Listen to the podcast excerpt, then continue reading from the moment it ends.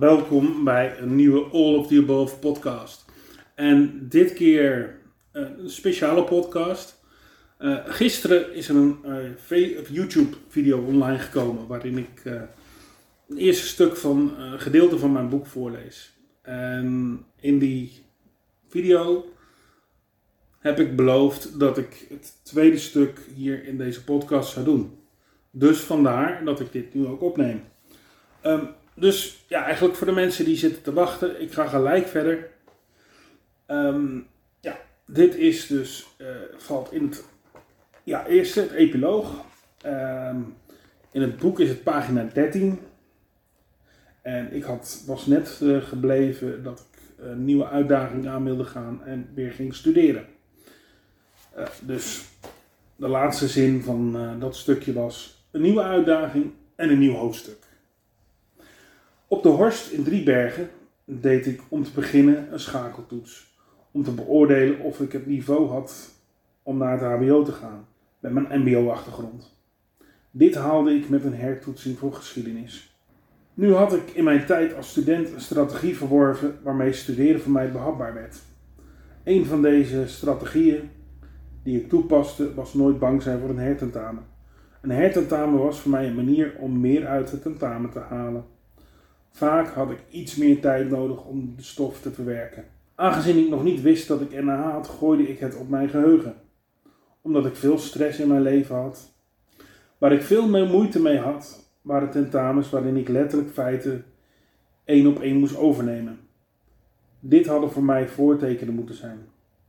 In het tweede jaar van mijn eerste opleiding werd ik in mijn huis beroofd en bedreigd, waardoor ik gevoelsmatig op slot ging.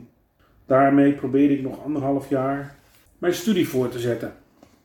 Maar er dreef een donkere wolk boven mijn hoofd, die voorlopig niet meer wegging. Mijn vertrouwen was zo aangetast dat ik gevoelsmatig op slot zat. Mijn ex besloot haar nieuwe vriendje naar mijn huis te sturen. Dit was geen vriendelijk bezoek, hiermee werd mijn pc meegenomen.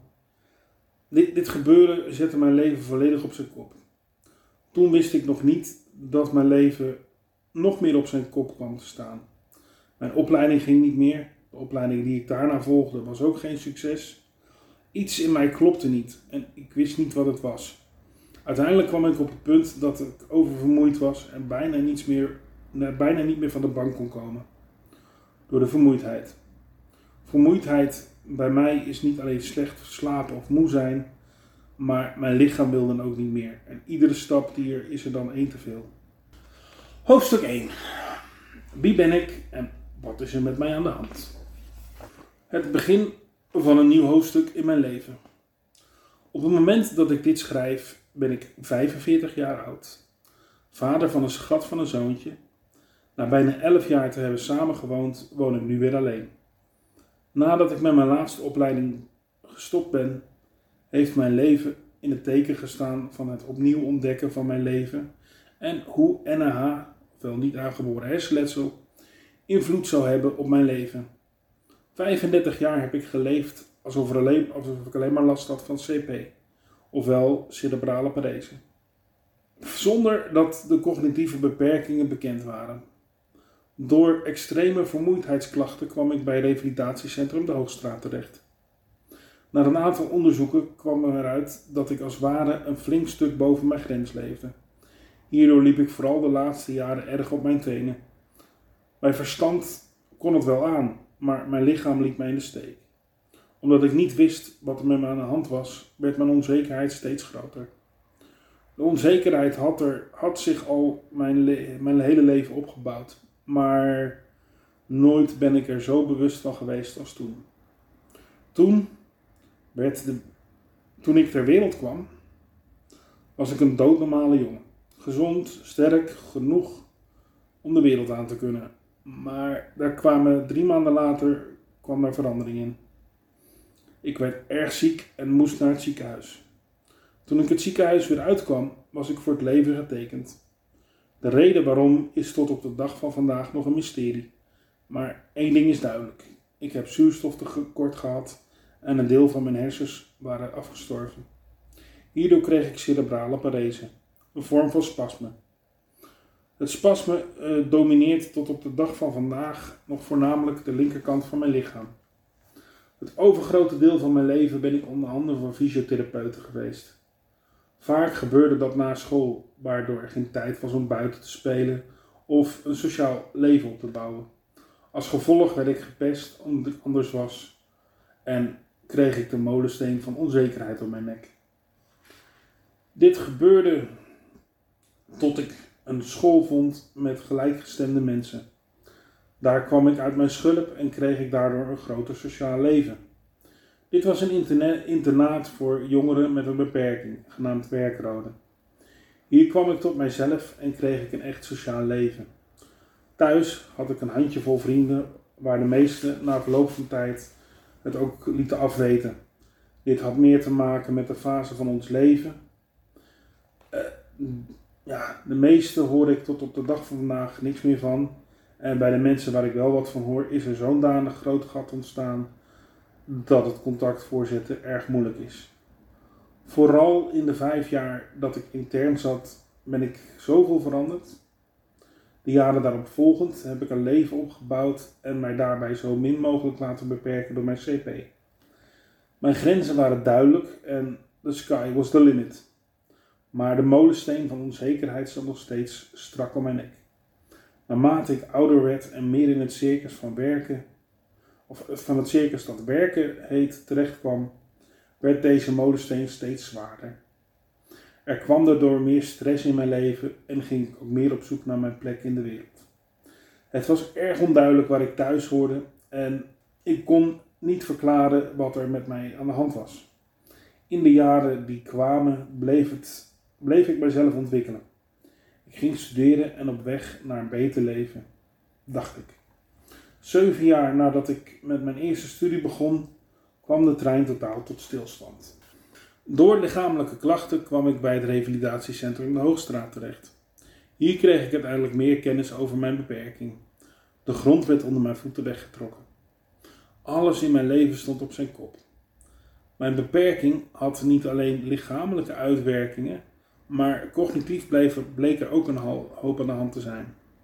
Concentratie, orde creëren voor mezelf, mijn lichamelijke en psychische belastbaarheid bleken een grote rol in mijn leven te spelen. Ik voelde de molensteen om mijn nek strakker worden.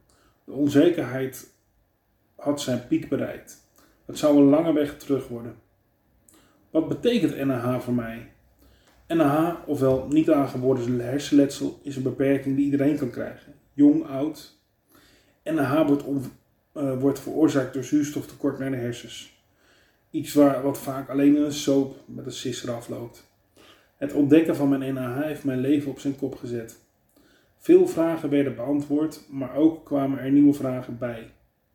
Wat kan ik nog wel? Waar liggen mijn grenzen? Wat houdt NAH in? In de loop van de jaren heb ik nog op veel vragen antwoord gekregen.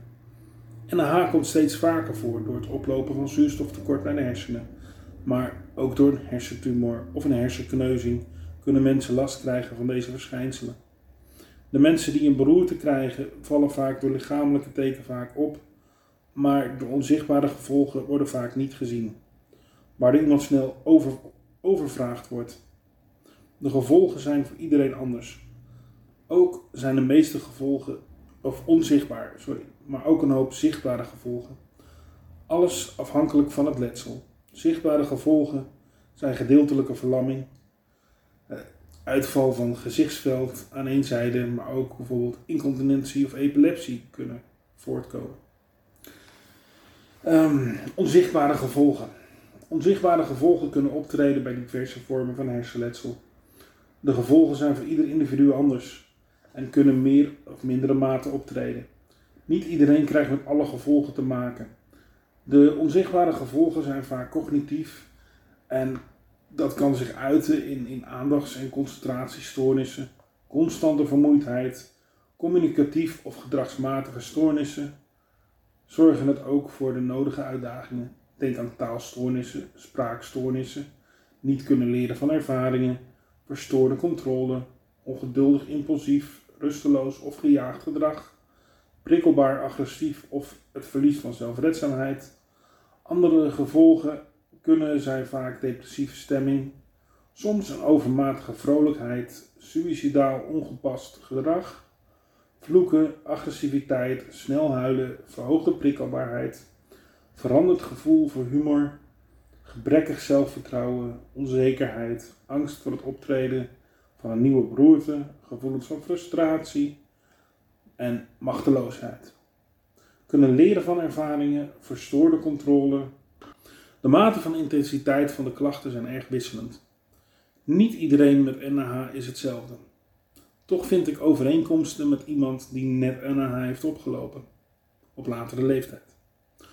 Ondanks dat ik het al een groot deel, het grootste deel van mijn leven heb, maar nu pas weet. Al snel kwam ik erachter dat de depressie mijn klachten versterken, maar ook mijn energiehuishouding werd flink door elkaar gegooid. Er waren momenten dat ik door overprikkeling en stress zo moe was dat ik in de bioscoop of zomaar op de stoel in de trein in slaap viel.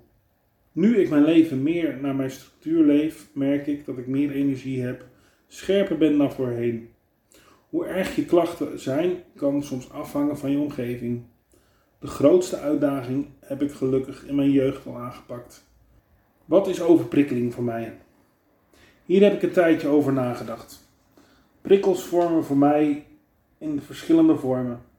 De meest voorkomende zijn beeld en geluid. Stappen deed ik vroeger niet echt. Op school, disco en een tijdje achter de bar van Echo na.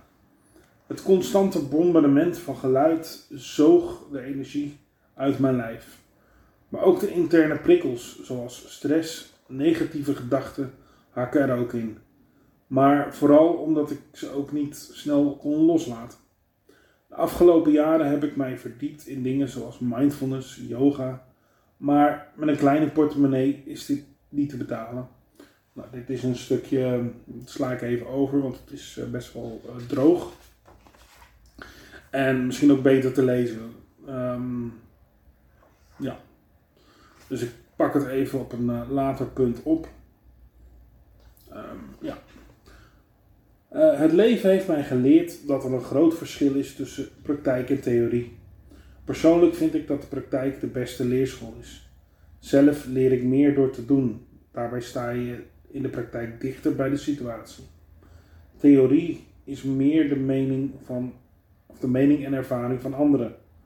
Om te leren is een combinatie van beide belangrijk, maar door te doen leer je naar mijn mening het meeste. Door mijn NH ga ik ook op zoek naar de meest praktische oplossingen voor problemen. Theorie vind ik te onbetrouwbaar omdat het altijd verandert. Net als alles in mijn leven constant verandert. Verandering is mijn beste vriend, maar ook mijn grootste vijand. Verandering hou je niet tegen, net als mijn leven veranderde met de diagnose NAH. Alles stond op zijn kop. Het besef wat er zou veranderen kwam later pas. NAH houdt voor mij in dat ik door mijn spasme een slecht evenwicht heb. Mijn linkerbeen is mijn slechte been.